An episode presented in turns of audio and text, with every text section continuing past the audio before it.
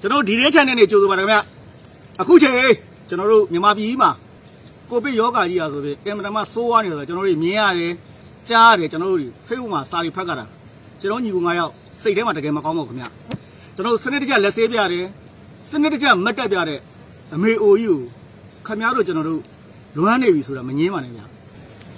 မြန်မာနိုင်ငံတွင်းမှာရှိကြတယ် ကျွန်တော်တို့ကြည့်ရတဲ့ခုနှစ်သားသမီးများအားလုံးအာနာရှင်အာနာယူကိုတော်လန်တဲ့နေရာမှာမတ်စတိုင်တော်လန်ကြမယ်လက်စင်းတော်လန်ကြမယ်လက်စင်းမတ်တက်ပြီးတော့တော်လန်ကြမယ်ဗျာကိုဗစ် -19 ရောဂါကိုထိန်းချုပ်ရင်အာနာယူကိုတော်လန်ကြမယ်ဗျာဟောဒါနဲ့ဒါနဲ့ခဏလေးခဏလေးဟို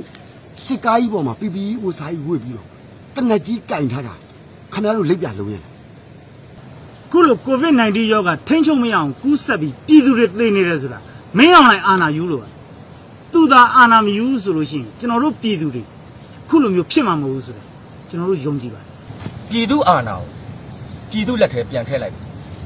ကြောက်စရာကောင်းလောက်အောင်သေနေတဲ့ COVID-19 ရောဂါကို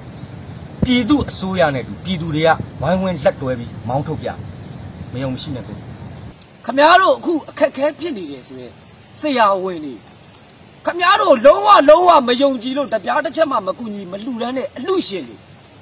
ဗော်လန်တီယာတွေကျမ်းမာရေးကိုကျွမ်းကျင်တဲ့မျိုးသက်သစ်လူငယ်တွေနောက်ဆုံးကုန်ကုန်ပြောမယ်ဗျာကဘာကနေဝိုင်းဝန်းလှူဒန်းပြီးအဲ့ဒီကိုဗစ် -19 ရောဂါကြီးကိုမြန်မာနိုင်ငံကိုပံ့ပိုးဖို့အတွက်ပြည်သူကိုတကယ်စေတနာထားတယ်ဆိုရင်ပြည်သူအာဏာပြည်သူ